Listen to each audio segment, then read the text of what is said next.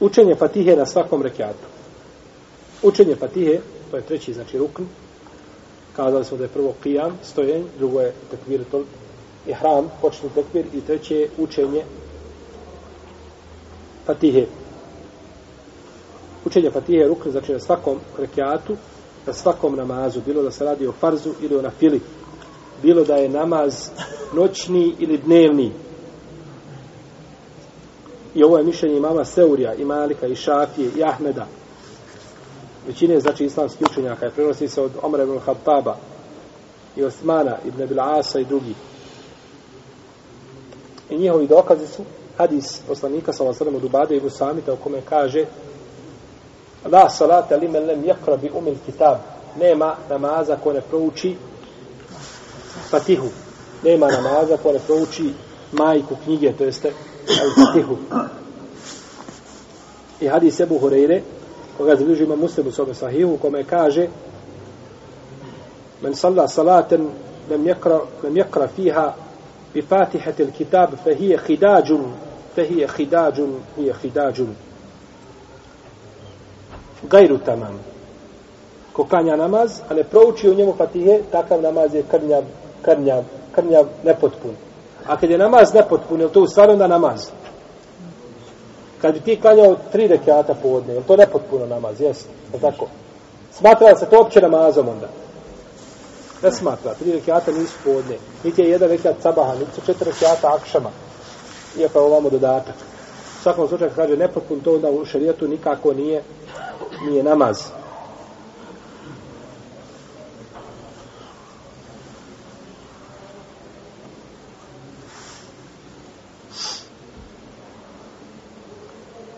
Došlo je da je, a, da je Ebu Said pitao Ebu Horeire, kaže, ja sam ponekad, kaže, i za imama.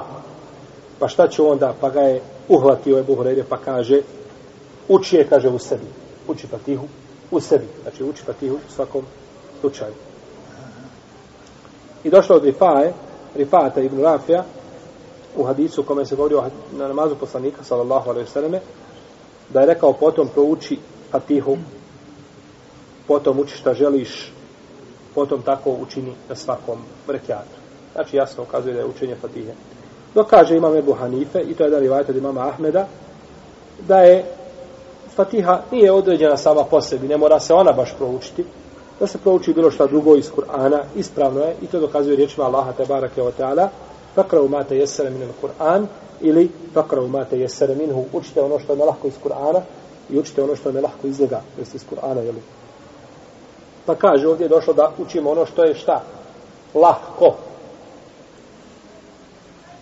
Šta mi je lahko, šta znam, šta pamtim, nije određeno da učim fatihu. No, međutim, a, možemo kazati da se ovim ajetom cilja učenje, da se ovim ajetom cilja učenje a, el fatihe i onoga što je lahko. Učenje el fatihe onoga što je lahko da bi spojili šta? Kur'ani sunnet, da spojimo argumente, da spojimo Kur'an i sunnet, znači da ne ostaje samo da uzmemo jedne argumente, a da odbacimo druge, jer u hadisma se kaže nema namaza ko ne prouči Fatihu. Kako ćemo da kazati, Kur'an kaže ovaj, a u Kur'an se kaže uči, pa da je Kur'an negirao učenje Fatihe. Šta je onda značenje hadisa koji je došao ovaj vjerodostojan? Pa je ovdje bitna e, stvar jedna, ne znam jesam, smo li pričali o njoj, poredak a, kad dođemo do, do, a, do, do razilaženja, kod, da shvatimo, braćo, zašto je, zašto je ovo ovako došlo? Zašto su ovdje Hanefi učenje kazali, ne mora se učitati? Da ne bi neko sada, jer kad čovjek poznaje argumente, kad znaš zašto je čovjek uradio određenu stvar, onda mu tražiš šta?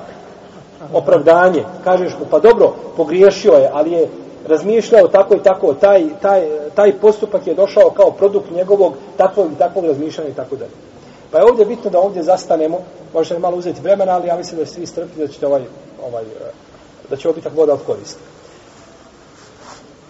Prvo, hanefijski učenjaci kažu a, kada dođe Kur'an i sunnet u prividnu onu oprečnost, oni uzmaju šta? Kur'an ili sunnet? Kur'an. Kur'an. I odbacuju tada sunnet. Odbacio sunnet.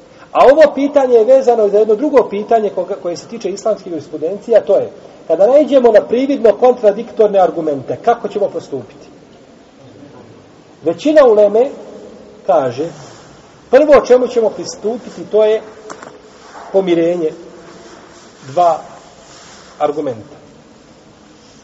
Pomirujemo dva argumenta. Pomirenje. Pa ako i ne možemo pomiriti, ne možemo naći puta da pomiriti, onda radimo šta? Tražimo dokinuti i dokidajući. Ako ne možemo naći dokinuti ili dokidajući, onda radimo šta? Tražimo meritornije mišljenje, jače mišljenje. A ako ne možemo ni u toj trećoj fazi riješiti problem, onda idemo u četvrtu pa kažemo nećemo raditi po jednom argumentu ili ostavljamo stvar učenijim, neka oni rade po tome, neka oni ovaj odluče kakav je propis tih e, uh, argumenta. A ne fijski kažu ne. Mi prvo što radimo, prvo, prvi korak koga činimo jeste dok e, tražimo ovaj, prvo traže dokidanje. Ako ne mogu tu riješiti, onda traže prioritetnije mišljenje prioritetnije mišljenje. A ako ne mogu riješiti ni prioritetnije mišljenje, onda tek idu na trećem mjestu na pomirenje. Pa zašto su kazali ovdje kada je došlo hadis, kažu nema namaza ko ne pouči fatihe, a u Kur'anu se kaže uči ono što ti je lahko. Zašto su kazali uzimamo Kur'ana, ne uzimamo šta? Ne uzimamo uh, uh, hadise. Zato što je Kur'an mutevatir sav, i zato što je rad po Kur'anju kod njih preči od, od sunneta i zato braću što kod hanefijskih učenjaka sunnet ne može ograničiti Kur'an. Ni po kom pitanju. Ne ograničava Kur'an. Znači to je to pravilo koga smo neko sad ne rekao to islamski učenjaci, hanefijski učenjaci došli i gledali u ovaj Kur'an i stavili kvačice na, na ajete a križale hadise nije tako bilo nego imali su pravila na koja su se šta? Pozivali, rade pojma. E sad, ostalo da ispravno, da mislim, to je potpuno druga stvar. Ali su imali, znači, metodologiju kojom su se šta? Služili pri odabiru mišljenja. Pa su oni stali na treće mišljenje, mjesto šta? Pomirenje argumenta. Na treće mjesto. Što je različno od mišljenja Dumura koji su stavili na prvo. Pa zato u mnogo slučajeva dođe do razlike, jer hanefijski učenjaci odmah traže dokinuti do dokinući ili prioritetno mišljenje, dok Džumur traži da pomiri. Pa rade, ovi vam rade po oba argumenta, a ovi vam rade samo po jednom argumentu. E, u tome je znači došlo do razlike. Tako je došlo isto braćo ovdje kada je pitanje učenje Fatije. Kažu, jeste, to je hadis došao u Badiju Musaveta, nema razlika kada prouči Fatiju, ali Kur'an je jasan, Kur'an je mutevatir i ne može se ništa ovaj ranet sa Kur'anom. Što je sigurno slabije mišljenje i preče je da se šta argumenti argumenti pomire.